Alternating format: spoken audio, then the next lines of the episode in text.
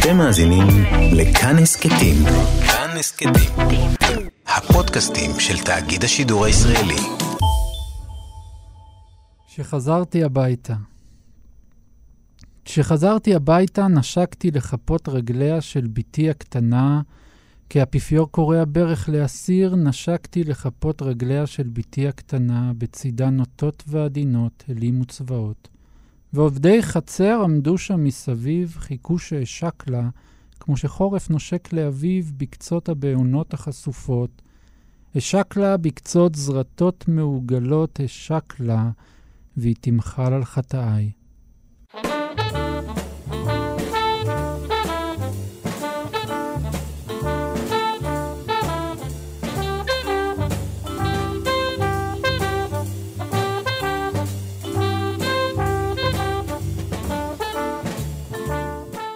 שלום, ברוכים הבאים וברוכות הבאות לתוכנית ברית מילה, תוכנית שיחה עם משוררים. אני שלומי חתוקה. היום אני מראיין את המשורר אלעד זרת. שלום, שלום לך. שלום, אני, שלום. נראה לי אני צריך להגיד, הגם אתה במשוררים. גם, אה? אה, נפל, נפלת לחיקנו, נפלת לחיקנו. מי היה נפלת. מאמין? איך זה קרה, כן. הדבר הזה? אז למי שלא מכיר, אלעד זרת אה, הוא לא חדש בתחום, זה ספר, ספר ביקוריו, ספר שירה אה, חדש פרי עטו, שנקרא שום דבר לא ישתווה, שיצא בהוצאת אפיק. אבל אלעד, אתה המון זמן בתחום הזה, כן, נכון. ואנחנו מכירים אותך מהצד השני, כעיתונאי, כעורך.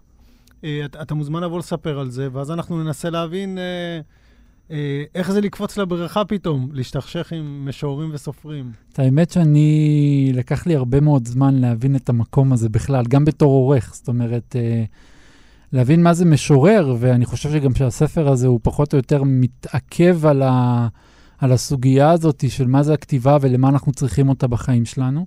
ושבתור עורך, אני, אני הגעתי לתחום הזה מהצד השני, גם של עורך וגם של עיתונאי שמפרסם וקורא. אני בעיקר אוהב להגיד שאני קורא ולא עורך, אה, כי בעיניי העריכה הנכונה היא קודם כל הקריאה הנכונה.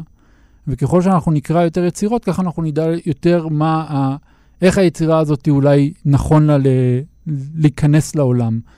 ואני התחלתי את דרכי באמת בידיעות אחרונות, אה, לפני כן כמובן קראתי וקראתי וקראתי ולא הבנתי פחות או יותר מה עושים עם זה. ועד שהשתכשכתי באמת בצד הזה שאמור גם להביא לפרסום וגם אמור, אה, אה, נגיד את זה ככה, לתת את הדעת על יצירה כזו או אחרת, אז לקח לי זמן. וכשהתחלתי בידיעות אחרונות, אז הפכתי אה, די מהר להיות עורך אה, במוסף היומי ב-24 שעות.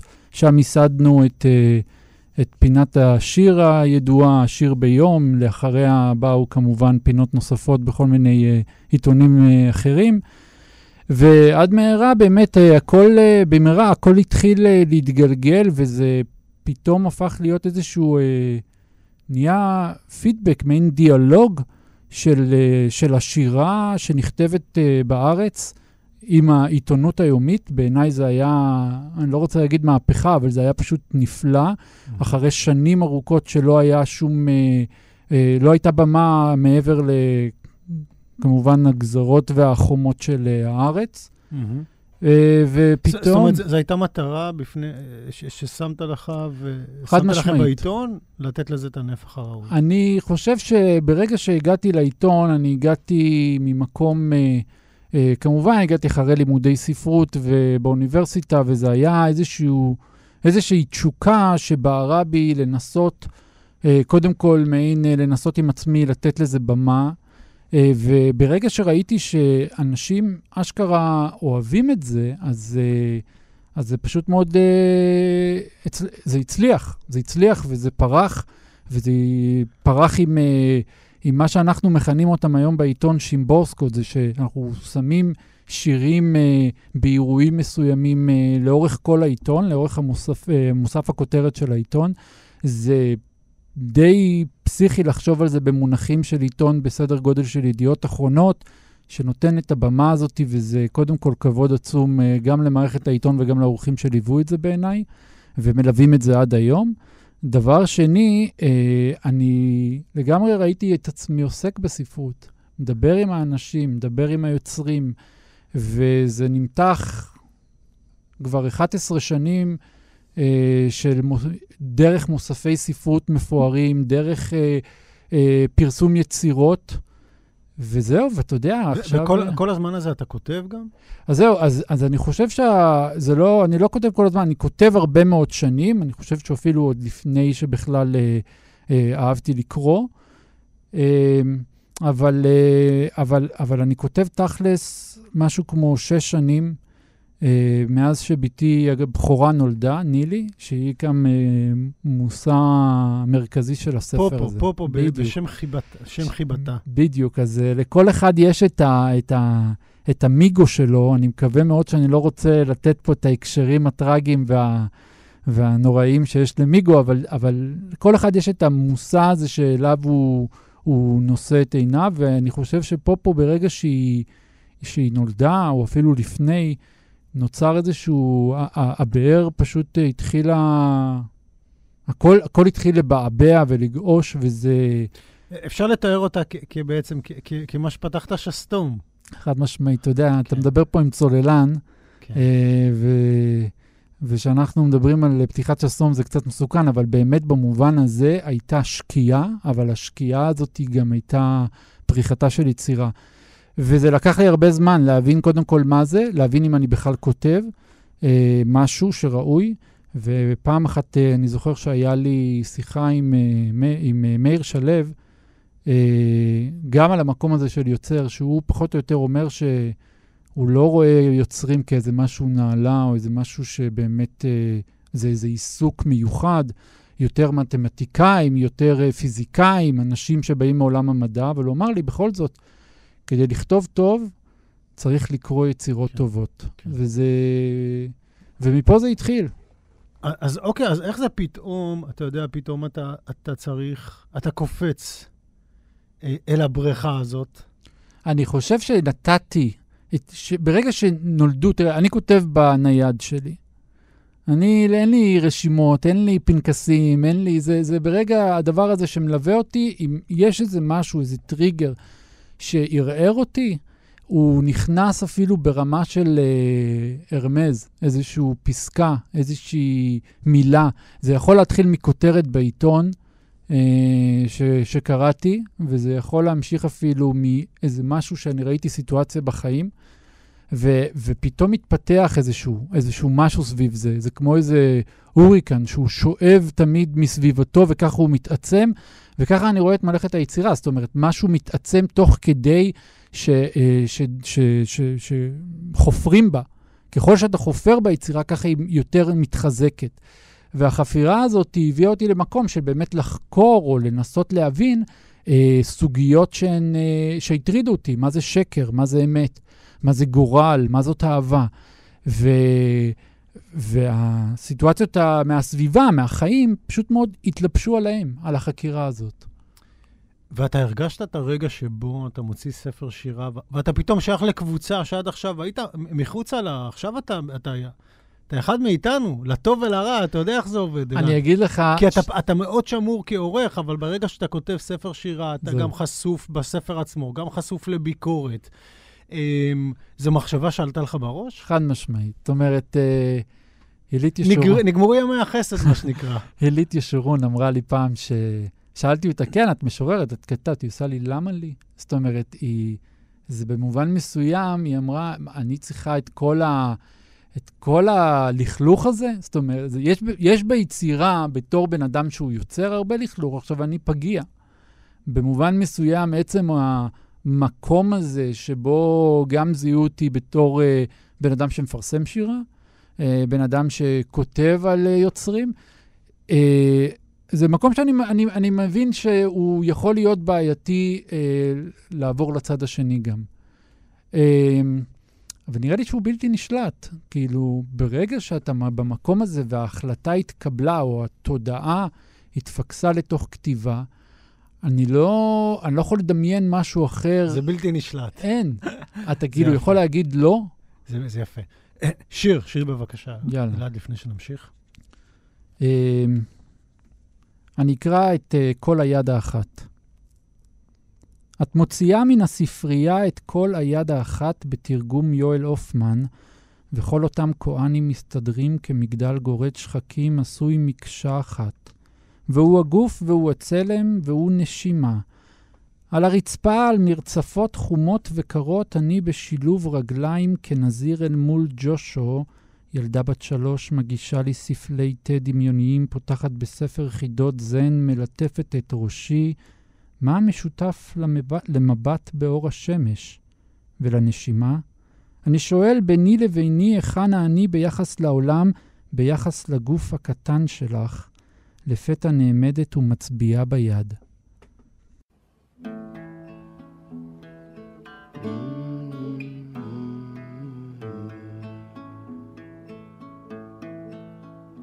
Oh, it was a fine and a pleasant day.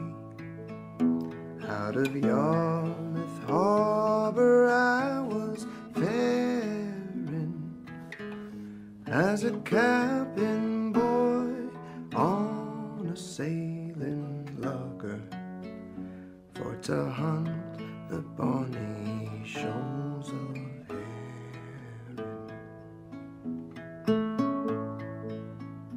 Now you're up on deck, you're a fisherman. You can swear and show a manly bearing.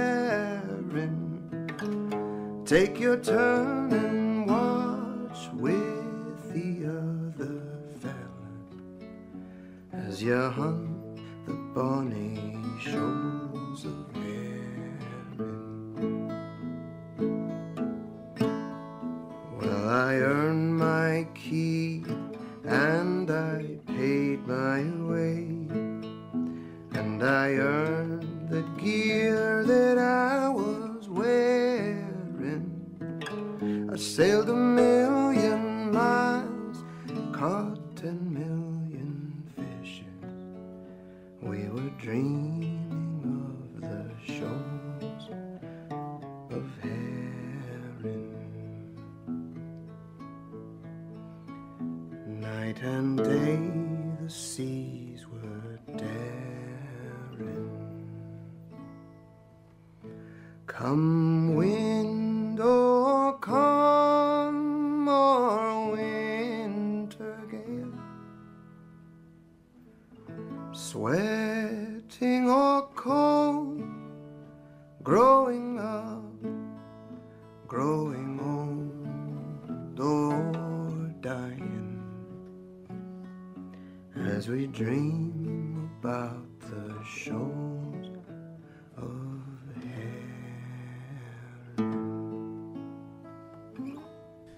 ברוכים השבים והשבות, אנחנו אה, על ברית מילה בכאן תרבות משור... אה, עם המשורר אלעד זרת, אה, שום דבר לא ישתווה. משורר, אנחנו דיברנו על זה, הוא. הוא קפץ לבריכה, הוא אמר זה היה בלתי נשלט.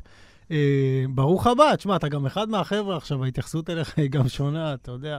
אה, אה, אנחנו מכירים כברת דרך, אתה יודע, אנחנו נכון. מכירים כברת דרך. נכון. אה, כבר כמה שנים בעצם. אה, אה, אמרתי שאתה עורך ועיתונאי, אה, ואדם שמאוד אוהב אה, תרבות וספרות. אני חושב שעם השנים פתאום גם גילינו, אתה יודע, הרבה פעמים אנחנו נפגשים עיתונאים, אה, ולפעמים זה עיתונאים שמעניין אותם משהו מסוים, מעניין אותם תרבות, מעניין אותם אה, אקטיביזם. לאט לאט היה ברור שמה שמעניין אותך זה ספרות. בדיוק. אתה- כן. כן, לא, זה... סוג, ברגע שאתה מתכוונן על משהו, תראה, אני בגדול... בן כמה אתה אלעד, אם מותר לשאול? 36, בטח, מותר הכל. אה, אה, אני בגדול, את האמת, אה, נמצא... העיסוק העיקרי שלי בבאדם ליין זה באמת להתעסק במוסף היומי של, של ידיעות, ושם אנחנו מקיפים את כל, את כל קשת הנושאים, החל מנושאים חברתיים, כלכליים, סיפורים אישיים, וכל מי שמכיר באמת העיתון יכול להבין. Uh, העיסוק הצדדי, זאת אומרת, הדחף לנסות ולעסוק בספרות, הוא, הוא לא נולד דווקא בעיתון. זאת אומרת, אני באמת, היה לי איזשהו רצון ל, לתת במה, או יותר נכון, באמת להיכנס ולהבין uh, את המארג הזה של יוצרים בין, בין עצמם וגם uh, החוצה. ו... ותוך כדי קריאה אתה פשוט מאוד מבין שאולי אתה יכול לעזור פה, אולי אתה יכול לדחוף שם. היה לי באמת איזשהו ניסיון בעיתון כל הזמן לנסות לדחוף ולתת עוד פינות ועוד פינות ספרותיות, זה לא פשוט.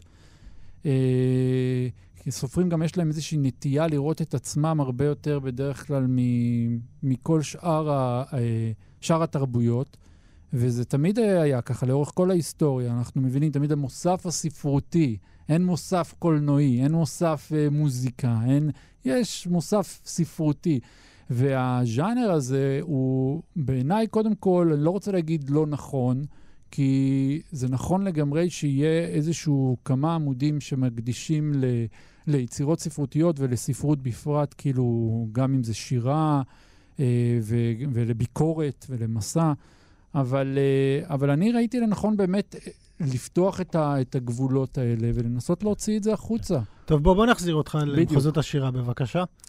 אני ביקשתי ש, שתתחיל עם השיר אה, שבה אתה מנשק את רגליה של בתך, כאילו אתה אפיפיור. מאוד אהבתי את זה. ו, וכשביקשנו ממך לקרוא שיר נוסף, קראת את uh, כף יד האחת, והילדה uh, uh, שמצביעה בסופו של דבר ופותרת לך את החידה בדרכה שלה, גם בלי לחשוב בעצם שהיא אמורה לפתור משהו.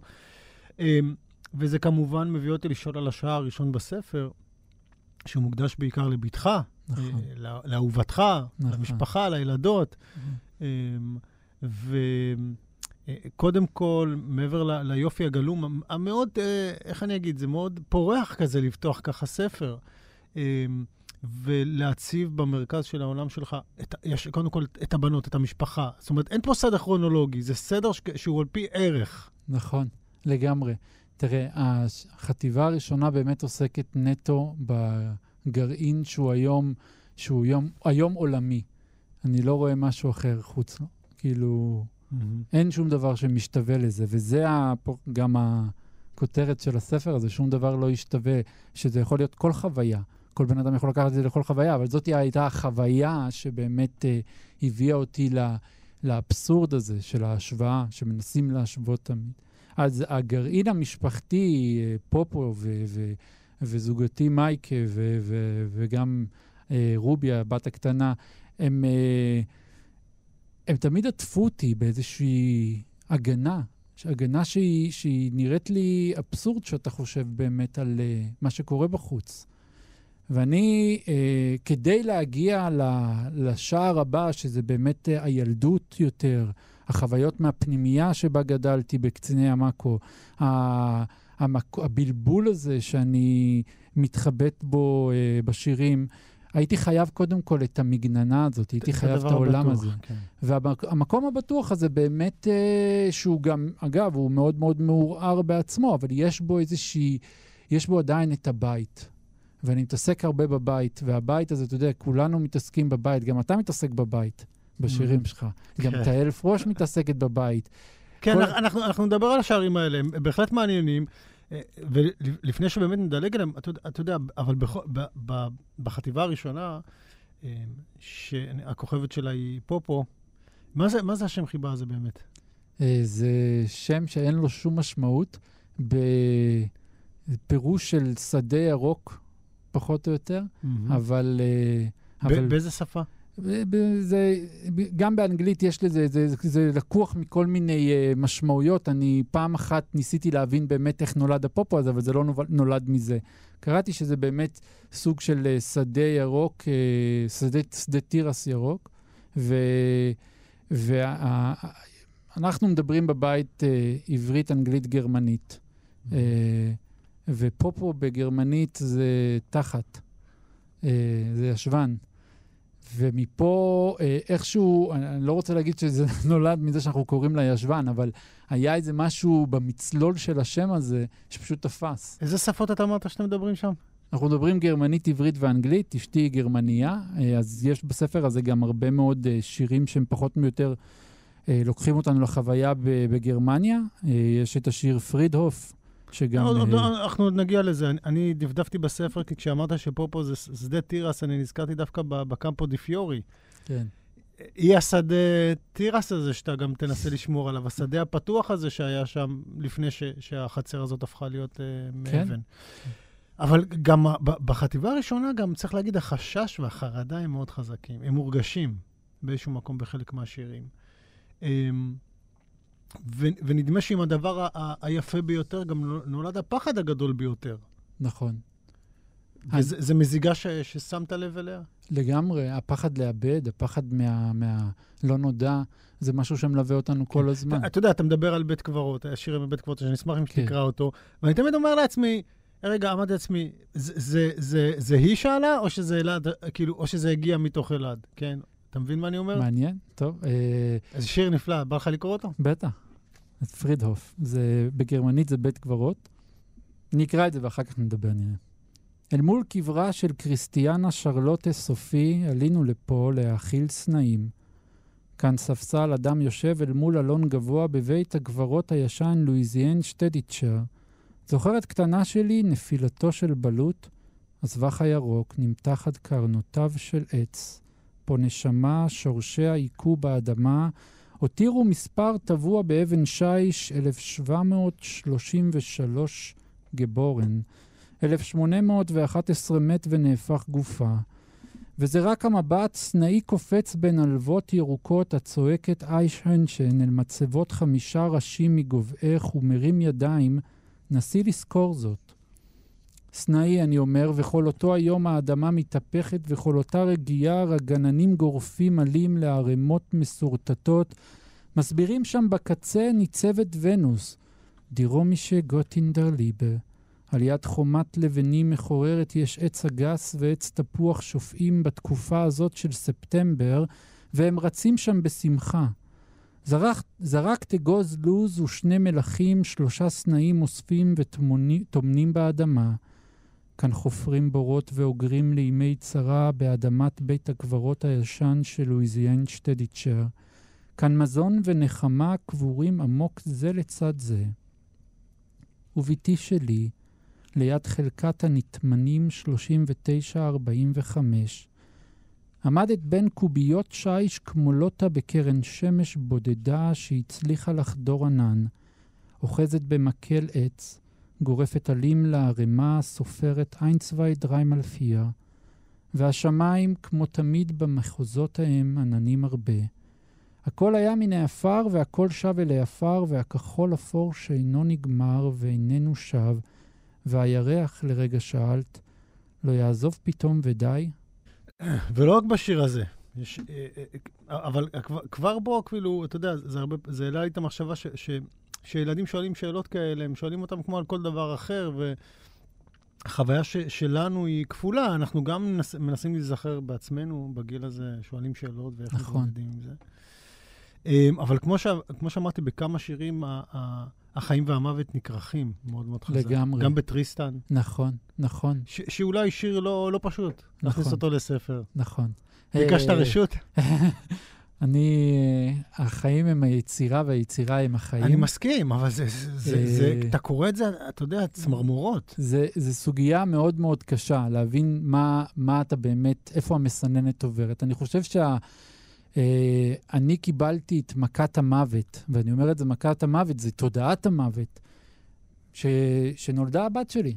אני, אם היית אומר לי לפני כן, תמות, הייתי אומר לך, יאללה, תפאדל, כאילו, אין לי שום מגננה, פחד או איזושהי יראה מן המוות, כל עוד אין לי ילדים. וברגע שנכנסו היצורים האלה לחיים שלי, פתאום הבנתי, במובן מסוים הבנתי שאני אשכרה צריך לחיות בשביל משהו, בשביל מישהו.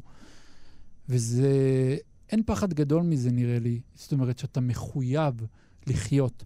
ואני אני חושב שכל כל, כל נגיעה שלי בחיים עצמם, בין אם זה בתקופה המטורללת הזאת של קורונה, אה, בין אם זה בתקופה, בכל דבר, אתה יודע, אפילו בצוק איתן, שאנחנו יושבים בדירה בתל אביב שמתפוררת עד היסוד, ואתה אומר לעצמך, האזעקה עכשיו, אני פעם הייתי נשאר בדירה ואומר, אה, על... שילכו לתקעוות, ופתאום אני נמצא בסיטואציה שאני צריך לחפש את הקיר הכי עבה שיגן עליי. זה... אני מבין מה אתה אומר. אמ, ועוד משהו שבעצם קורה כאן, אתה יודע, אני מחבר את הדברים האלה, אה, עולם האגדות והמיתוסים, הוא- מופיע מאוד מהר. ונראה לי שאת ההצדקה שלו אנחנו מקבלים בפרק השני, דווקא לא בפרק הראשון, לא בהכרח בהקשרים של בתך והבית שלך, אלא זה הייתה רק הכנה לחלק השני. בדיוק. אמ, ובחלק השני, אני חייב לומר, אתה, אתה נותן מקום אה, מאוד מאוד גדול לילדות שלך. אה, ב- אני לא חושב שזה קורה בהרבה ספרי שירה, תמיד אנחנו מגיעים לזה, אבל הקדשת שם פרק שלם לדמות שלך כנער. כן. כמעט הרגשה של, דיברת על מחויבות, אני הרגשתי שזה כבר מחויבות, אתה מחויב היית לתת את הקול של הנער שהיית. אני חושב ש... אה, אני לא זוכר מי אמר את זה, אבל uh, כולנו נמצאים, uh, כולנו כותבים את הילדות שלנו. גם אם אנחנו לא רוצים לכתוב את הילדות שלנו, גם אם זה גרוס, גרוסמן שכותב uh, על ירושלים של שנת 2000, או על uh, הילד הזה בסוס נכנס לבר, סוס אחד נכנס לבר, והוא יכתוב את הילדות שלו. אנחנו uh, שואבים תמיד מטראומות הילדות שלנו. אבל אתה, אני אומר, אצלך זה אחרת. ברור, נכון. זה היה, זה היה ממש, שוב אני אומר, פה ושם אני רואה את זה, זה לא קורה בהמון ספרים, פה ושם אני רואה את זה, מין מחויבות לתת אה, מבט, מ, אה, מבט ישיר. לא, אין פה מה שאמרת, כן, אתה יודע, בעקיפין, אוקיי, זה תמיד יתחבא מלמטה, וכשזה קורה גם יש לזה סיבה. כן, אין ספק שעברת מסע גם כנער. נכון. אמ, וזה, וזה מורגש, זה מרגיש שבאמת רצית לתת שם אה, אה, אה, תשומת לב ל, לילד הזה, לנער הזה. אני אקריא שיר אחד, בטח. כן, ברשותך. בטח. שקר ואמת, אפרופו משהו שהזכרת קודם בשיחה. הייתי שקרן, כזה שיודע לספר מציאות אחרת, כי ידעתי שלא אשרוד את האמת היחידה. בבוקר הייתי מטפס על גבו של תן הערבה ורוכב עד לצוק היללה על גבו. של תן הערבה היללתי וקראתי כי אתם לא הבנתם, ובלילה חזרתי למאורתי כמו אור שנבלע ביער. וכמה שאנחנו מוכנים להקריב על מזבח האמת, מספרים לעצמנו, האמת עד לעצמה. מספרים, האמת חשובה בתכלית, וכשנופלים קוראים לאמת שקר, ולשקר אמת. כשאתה קורא את זה, זה גורם לי צמרמורת. כן. אבל כ- כמו שאמרתי, זה, זה, זה, זה, זה נראה כאילו באמת יש לך שם משהו ש... ואני חייב לומר, אני גם הרגשתי את זה, זה מאוד קשור לעולם הבידיון והספרות. אה, באיזשהו מקום אה, אתה גם מתאר את עולם הספרות כעולם כזה שנתן לך מה שלא נתן לך אף אחד אחר בעצם, וכבר שם כאילו נכרך שם איזשהו אה, ברית בינך ובין עולם הספרות. נכון. בוא תספר קצת, נו. אז, אז, אני, אז אני פשוט, אני, תראה, אני גדלתי בקריית אתא של שנת, אה, שנות ה-80. אה, קריית אתא, מי שמכיר אותה, זה באמת, זה שיכונים, אה, פיצה פאדל במרכז. זו מכונה כזאת שהייתה פעם אה, להוצאת קסטות, אה, מכונה צהובה כזאת שכולה, שליוותה אותנו עוד לפני שהיה את, ה, את, ה, את החנויות השכרה האלה. ובמובן מסוים להיכנס למקום הזה עם איזושהי פנטזיה. ואני הייתי ילד פנטזיונר, כאילו, אני לא, לא אשקר. וכשאני אומר שאני הייתי שקרן, אני, אני לא מתבייש להגיד את זה. זאת אומרת, אני תמיד, תמיד חיפשתי לספר לעצמי כל מציאות שיכולה, שלא נמצאת כן, בחיים השקר, שלי. השקר פה בעצם בתוך השיר הוא זה בידיון. לגמרי. וה, וה, ואני, הכל, הכל היה, שאני, שאנשים היו רואים אה, אה, מטוס, אני הייתי רואה חללית, שאנשים היו רואים אה, אה, מרצדס, אני הייתי רואה כרכרה, ו, והייתי מוזר. ואני גם לא מתבייש להגיד את זה, שבמובן מסוים די נפלטתי מהמקום הזה כבר בגיל ש- 14 פחות או יותר, כי לא יכלתי לשאת את זה. תראה, באופן מוזר, כשקראתי את זה, אני חשבתי שבדיעבד זו ההתייחסות הכי נאמנה לילדות. כי הילדות היא אגדה. כשאתה מסתכל אחורה על, על, אתה יודע, על שנות חייך, אפשר באמת לחלק אותם. הילדות היא אגדה, היא אגדות ומיתוסים. באמת, בחיים שלנו הם. היו ממש ב- ב-level אחר של, של חוויה. אנחנו אולי בדיעבד מספרים לנו כאילו הכל היה שם מאוד מאוד רצ, רציונלי ו- וחסר, וחסר בעצם דמיון, אבל החיים התנהלו כמו דמיון שם. נכון. אה, אה, תכבד אותנו בשיר מ- מ- מאחד הרגעים האלה. ל- אז אני, אה, אני אקרא את השיר, אה,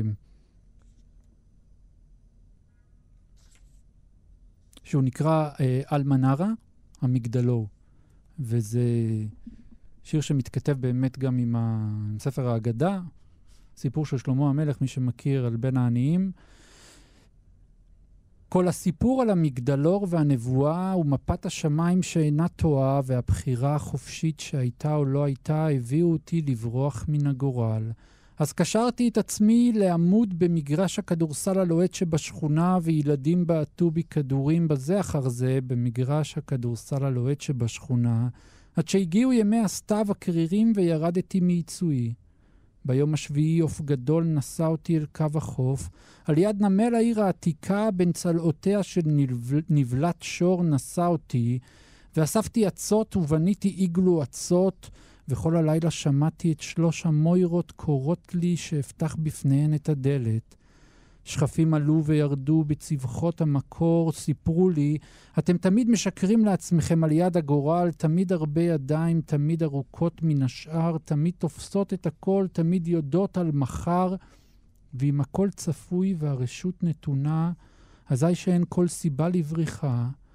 אבל אני ברחתי אל המגדל שרוחותיו הקיפו סביב ברחתי, וכל הילדות וכל הנעורים לא ציפור גדולה או אונייה, לא אהבה הייתה לי לנחמה. קריית, חיפה, הצפון, חי- אני לגמרי. לא ידעתי איפה בדיוק, אבל אמרתי, אוקיי, זה, זה מאוד מובחן הסיפור הזה. אמ,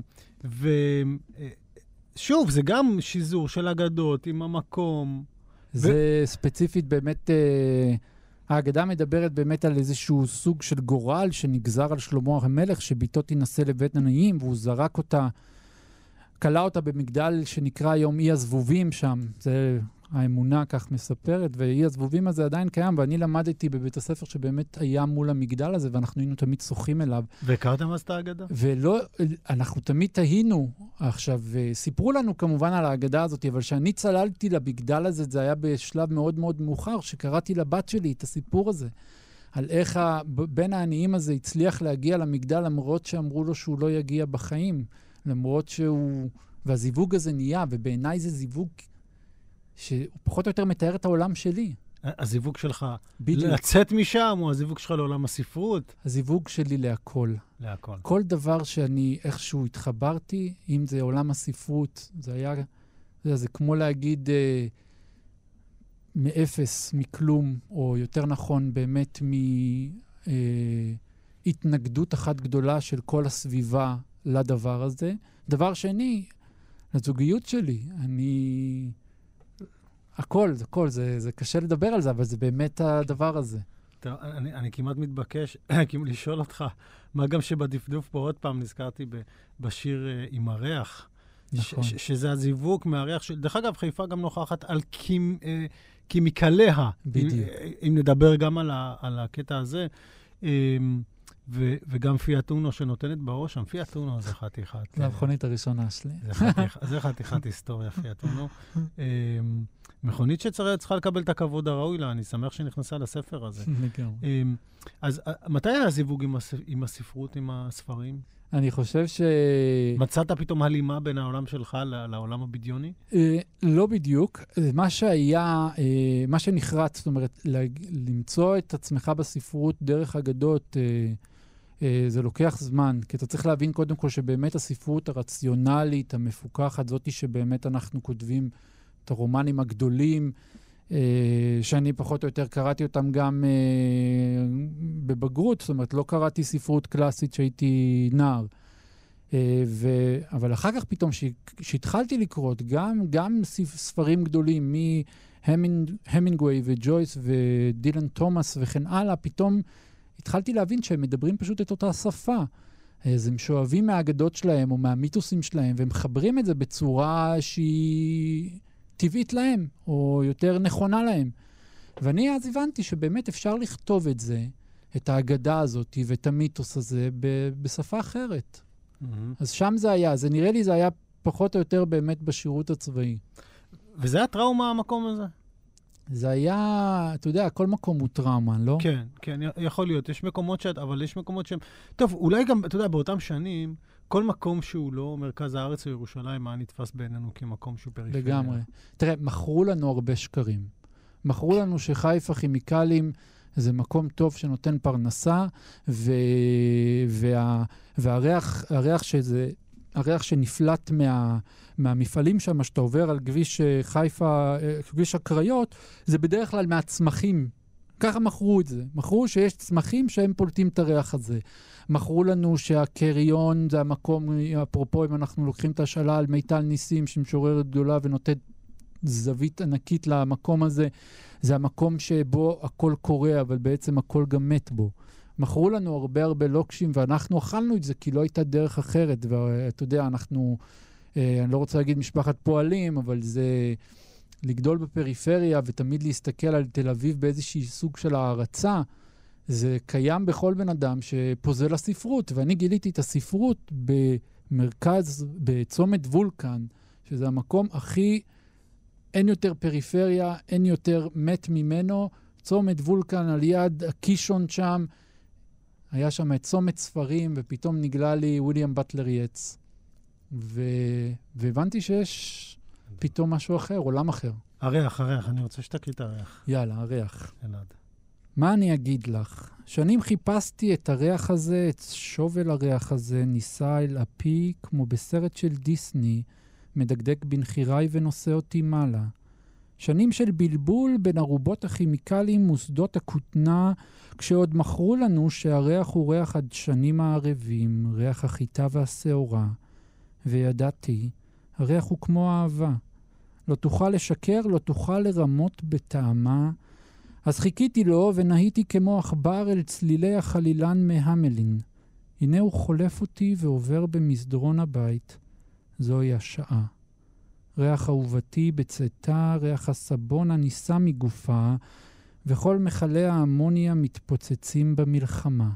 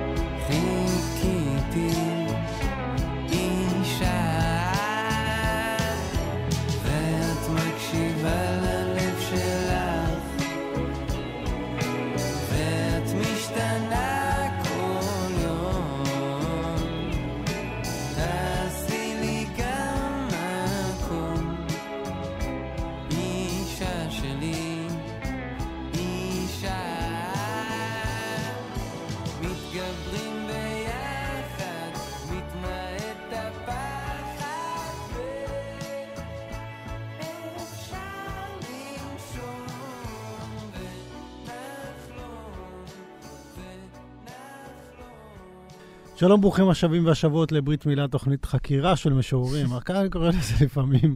אמ, אני שלומי חתוקה, אתם על כאן תרבות, 149, 105.3. התוכניות תמיד עולות לפודקאסט אחרי זה, אתם יכולים לחפש ולמצוא אותם שם. אה, אז אנחנו עם אלעד זרת, אמ, שרציתי גם לנצל את העובדה ולשאול אותו מה זה זרת, כי זה זרת עם ט' בסוף, נכון? תלוי, ההורים שלי כותבים עם ת', אתה יודע, המשפחה הזאת היא מסוכסכת עם עצמה. אה, גם אצלנו. יש את הבעיה עם החתוקה, עם ה... זה, זה, יש, יש כמה אותיות שם שהן לא סגורות מה, על יש עצמם. קוף וכף כאילו? כן, למרות אוקיי. שאמורים לכ- לכתוב עם כף, כי, כי זה לא כעגרונית, אבל כדי שלא יהיו טעויות. ו... כן. אמ, אז מה זה, יש לזה משמעות? לא, זה אלג'יראי, אוקיי. שסביר להניח היה באיזשהו אה, ז'רגון של ז'רה או משהו כזה, והתעברת לו תוך כדי לאצבע קטנה, שגם ממנה סבלתי תוך כדי. אה, שני ההורים אלג'יראים? לא, אוקיי. אה, האימא עיראקית, אליאס. בגלל זה התחברת אלינו מאוד בקטע של הארס פואטיקה וכאלה? או שזה היה פחות קשור? לא יודע, אתה יודע, זיהוי אה, מזרחי, אה, בכלל, זיהוי של המקום שלך בכלל, מה, מה, מה, מאיפה העולם הרוחני שלך מגיע, אני חושב שהוא מאוד מאוד טריקי. זאת אומרת, אני כמובן, תמיד היה את המקום הזה של, אה, של, אה, של, של הזהות העיראקית המובהקת, ואלג'יראית, וקוסקוס, וקובה של, אה, קובה אדומה בימי שישי אצל סבתא חנה. אבל, אבל לא היה לי אף פעם את המקום הזה של המאבק. אני תמיד הרגשתי את הקיפוח, תמיד הרגשתי את ה... את ה... את ה... שני צידי המתרס פחות או יותר, שיש את החבר'ה של הקיבוצים ואת החבר'ה שלנו, אה, ואנחנו באמת משיקים לקיבוצים, ואנחנו היינו שם על הגבול הזה, שבסך הכל שדה אבטיח אחד מפריד בין שני העולמות האלה, וזה עולמות שונים לגמרי, ששם יהיה לך את העצים ואת ה, את העצים השופעים ואת הבריכה, ושם יהיה לך כורכר ואבנים. ו... אבל אני חושב שאת הזיהוי הזה, אני לא, לא הצלחתי לקבל אותו כמוכם ב, בילדות. אתם באמת שהתבגרתם ונכנסתם לעולם השירה, אתם יצאתם באיזשהו מעשה שהוא בעיניי, הוא מתעלה על שכבות uh, ש, ש, שאני לא הצלחתי להגיע אליהן. יש את זה פה, זה קיים פה בטח בין השורות. לא, לא, אל תדאג, אני אמרתי לך, אני רוצה לחזור לדבר עליך, ואני באמת אחבר את זה, כי השער השלישי הוא שער נדל"ני, Start-Up Nation, יד שתיים, ולא חיברת את זה לקטע האתני, זה בסדר, אבל מעניין אותי באמת, אתה יודע, זו חוויה מאוד מאוד רצינית אצלך, אני חושב. ואני לא יודע אם היא קשורה לבית, או לזה שאתה המון המון שנים בתל אביב, אבל בשער השלישי, אמ, שוב, המקומות הפיזיים הם מאוד מאוד ח- חזקים אצלך, מאוד, יש מקומות פיזיים כל הספר. ו... ויכול להיות ש... שבאמת זאת הסיבה, שאתה עומד כאילו מול שוקת שבורה אל, אל עצם העובדה, ואולי זה גם קשור, כמו שאתה אומר, היום אתה אבא. זו תחושה אחרת, ש... שאתה לא כבר נע ונעת ברוח, אתה צריך בית. אין סיכוי. אין כמה היה שם, הוא אמר? 4 מיליון 400? כמה זה היה שם? משהו כזה. משהו כזה. לא, זה... אתה יודע, הדוגמה של תל אביב היא אולי איזושהי סימבול שאמור לייצג איזושהי אה, אידאה. אה, לא הייתי רוצה לקנות בית בתל אביב, זאת אומרת, הייתי רוצה, אבל לא הייתי רוצה אה, לקבוע... ל- הקביעת בית בתל אביב באיזושהי אמירה של אנחנו יוצרים, אז אנחנו צריכים לחיות בתל אביב, היא לא קיימת עבורי. אה, אני מאוד מאוד מעריך ו- ו- ו- ו- ומאוהב ב- ב- ביציאה הזאת החוצה וביצירה הזאת מחוץ למקום הזה. אני חושב שיש איזושהי התרחשות מסוימת באמת בתל אביב שקורית וגורמת לאנשים אולי אה, לזהות את עצמם עם היצירה, אבל זה לא, זה, לא, זה לא מה שאני ניסיתי להעביר פה. אני ניסיתי באמת להעביר שבכל מקום אנחנו איזשהו דור אבוד, ילדי שנות ה-80, ילדי שנות ה-90, אה, נערי שנות ה-90, אנחנו גדלנו אחרי שבזזו כל חלקה טובה פה. והבזיזה הזאת הייתה כל כך אגרסיבית, יכול להיות שגם לא שמנו לב אליה בזמן אמת. לא שמנו לב אליה, רצינו לא לשים לב אליה אולי, כי חיינו מאיזושהי תחושה של אה, פה ידאגו לנו תמיד, או פה ההורים שלנו תמיד רצו שיהיה לנו טוב, והם יאכילו אותנו וכן הלאה. אבל בזמן הזה היו הרבה אנשים שבזזו, בזזו מכל הבא ליד, והשאירו לנו פשוט אה, שאריות שהן לא קיימות כיום, כמעט. ואפילו, ואני אמרתי את זה, אני לא חושב, תמיד יש איזושהי רגרסיה אחרי... אה, יש את הרגרסיה, ואז יש מלחמה גדולה, או יש איזשהו פיצוץ גדול, או איזו מגפה גדולה, ואז יש צמיחה. צמיחה כלכלית, צמיחה תרבותית. זה לא סתם שבאמת היוצרים אחרי מלחמת העולם השנייה באירופה היו האקזיסטנציאליסטים אולי הגדולים ביותר שצמחו מכל התרבות הגרמנית, אבל אני חושב שאצלנו יצטרך להיות פה חורבן כל כך גדול שקורונה זה אפילו לא משתווה למה שיהיה בשביל שתהיה פה עוד איזוש- איזושהי צמיחה, איזה תיקון עוול שאני לא רואה של אותו קורה. הסטייה המאוד חמורה הזאת. כן. לך תדע, אולי זיקה. אלברטוס? יאללה, אלברטוס. אלברטוס. כתב בעיתון. אבא שלי אוהב שאני כותב על טכנולוגיה, כותב על מיקרוביולוגיה, כותב על קוסמולוגיה, אך מה אעשה שאני כותב ננו-פואטיקה, אני כותב ננו-פרוזאיקה, אני כותב שירה. אבא שלי שואל אותי מתי תפרסם כתבות על מחשבים, מתי תפרסם כתבות על ניידים, כתבות על מחבלים. תמיד זה רק ספרים וספרים, מדי פעם סופרים מתים. אבא שלי אוהב לדפדף בעמודי המודעות, לבחון מחירים, לקרוא על מבצעים, על סלמון ב-69.90, על ארבעה בקבוקי בירה בעשרה שקלים, כי אבא שלי אדם פרקטי ואני כותב שירה. בשבח אחותי, אנחנו נמדדים בסך מעשינו, בתוצר מעשינו, כמו משוועים לתשואת הנכס באחד בחודש. ומה עם סך כל מעשיי? אני כותב שירה. יש שיראו בזה קללה. כשנכנסתי בשערי בית הספר פינסקר בקריית אתא, המורים תלו שלט המברך את תלמידי בית הספר פינסקר בקריית אתא, מכאן יצאו מהנדסי העתיד. ואני שלא הייתי מוכשר ולא ידעתי מה עתידי, חזרתי לינוק משד אמי. אחותי יודעת זאת אחרת. היא מתעוררת כל בוקר מוקדם ונוסעת לפקח על פס הייצור של תנובה, מודדת את ריכוז החלב והרעלים, מודדת שלא יתעוררו מבקרים ומתלוננים מתלוננים שישתו את החלב שלהם לבן ונקי. וזאת תשואה יפה למי ששותה את כוס החלב שלו בבוקר וכוס החלב שלו בערב גם. אחותי תורמת לחברה, שותה את החלב ואוכלת הביצים של תנובה, וזה המון בימים של חלב מועשר. ואני, מה עם סך כל מעשיי? אני כותב שירה. יש שיראו בזה קללה. וזה לא בא לי מאימא וזה לא בא לי מאבא שלו כותבים שירים. למעשה אף אחד ממכריי לא שוקד על משקלים וחרוזים. לרוב הם שואלים מדוע להיות מוטרדים בכתיבת שירים לא חסרים הרי מטרידי מחשבה אחרים. למשל, בארוחת שישי שאלה הדודה מזל את אחותי למי פונים כשהקוטג' מחמיץ עוד לפני שפג תוקפו, והיא יודעת ועונה, אחותי יודעת ועונה. יש לה תשובה ברורה למי פונים בתנובה כשהקוטג' מחמיץ, יש לה תשואה יפה לחברה. טוב, פה זה באמת uh, מתכתב עם שני עולמות, uh, גם משברים, גם המקום של הצער בעלי חיים, שאני רואה אותו איזשהו... כן, uh, אתה טבעוני. אתה טבעוני כן. צריך לבוא להגיד. כן. כן, כותבים מפה יצאו מהנדסי העתיד, לא אומרים מפה יצאו משוררים. לא, לא, לא. זה לא יקרה, נראה לי, אה, אף פעם. ואתה מקדיש בסוף הספר הרבה שירים לאנשים. נכון. זה נראה לי מאוד מעניין, כי מעבר לעובדה שאתה בעצם, אתה, אתה מודע, אתה לא פועל בחלל ריק, אנשים משפיעים עליך, אתה קורא הרבה. אני אגיד לך, אני חושב שקודם כל, אה, על, על משקל התרבויות לא נוצרות בוואקום. זאת אומרת, אנשים אוהבים לתפוס גם את התרבות היהודית כאיזושהי אה, בועה שהתפתחה לעצמה מכלום, בלי שום השפעות. כל מי שמדפדף בתנ"ך יודע שאנחנו פשוט מאוד גנבנו מכאן ולכאן בכל מקום אה, אפשרי, מהתרבות הבבלית וכן הלאה, והיוונים, וה... ו- ועל המשקל הזה, פעם אחת מישהו שאל אותי, למה אתה תמיד חוזר, אתה כותב על אנשים שהם לא מהעולם שלנו, לא, לא מהתנ"ך, לא מ- מ- מהתלמוד, ואני אמרתי שכל מה שנוגע בי ומשפיע עליי נכנס או ייכנס תמיד איכשהו ליצירה, גם אם לא מפורשות.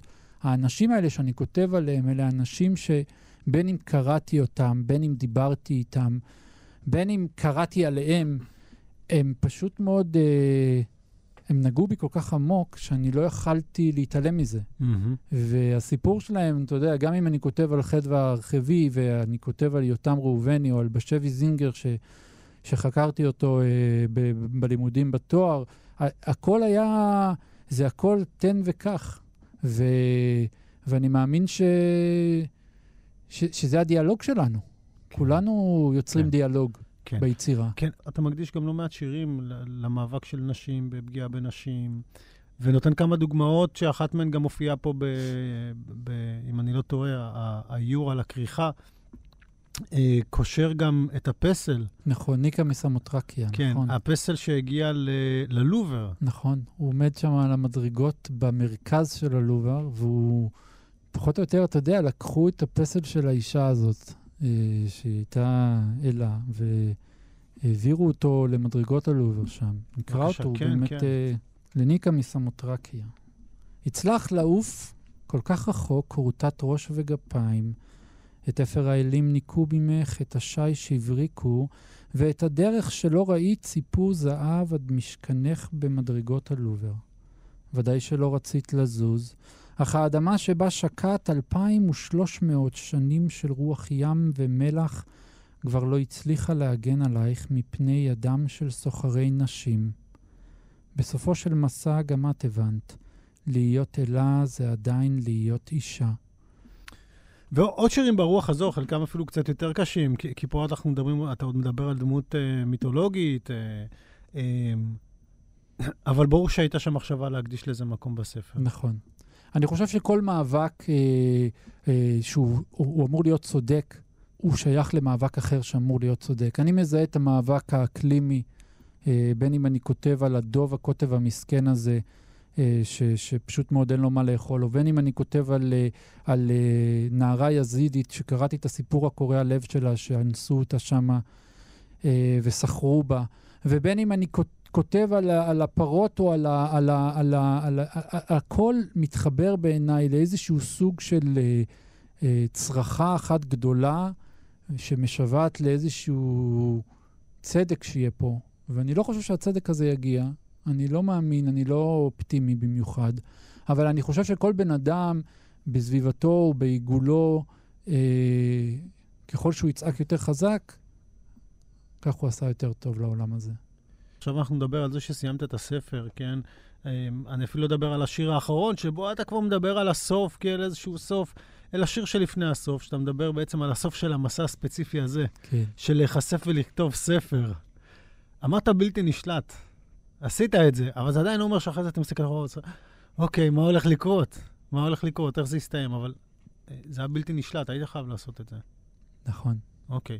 אני מקווה שהשיר שנקרא רגע לפני החרטה, אני מקווה שאין בכלל חרטה, אבל נראה לי שראוי לסיים איתו, מתבקש לסיים איתו. לגמרי. אה, אני אגיד לך תודה שהגעת, אלעד. תודה שאירחת. בשמחה. בשמחה, ונגיד תודה גם לראש שלנו, נדב אלפרין. אה, אתם על ברית מילה. אה, בבקשה, רגע לפני החרטה, אלעד זרת. מהספר החדש, ספר ביקוריו, שום דבר לא ישתווה, שיצא בהוצאת אפיק. רגע לפני החרטה. השמיים קודרים ואתה יושב על עץ גבוה, מחכה לרוח שתנדנד בענפים, וכשתבוא הרוח ודאי תצעק שאתה רוצה לרדת. תצעק שהספיק לך הניסיון ושלא תתגרה עוד בגורל.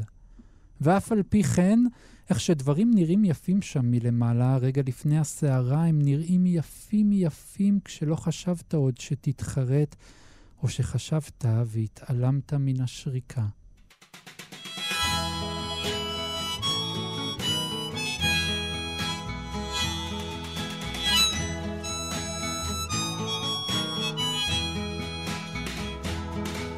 Nobody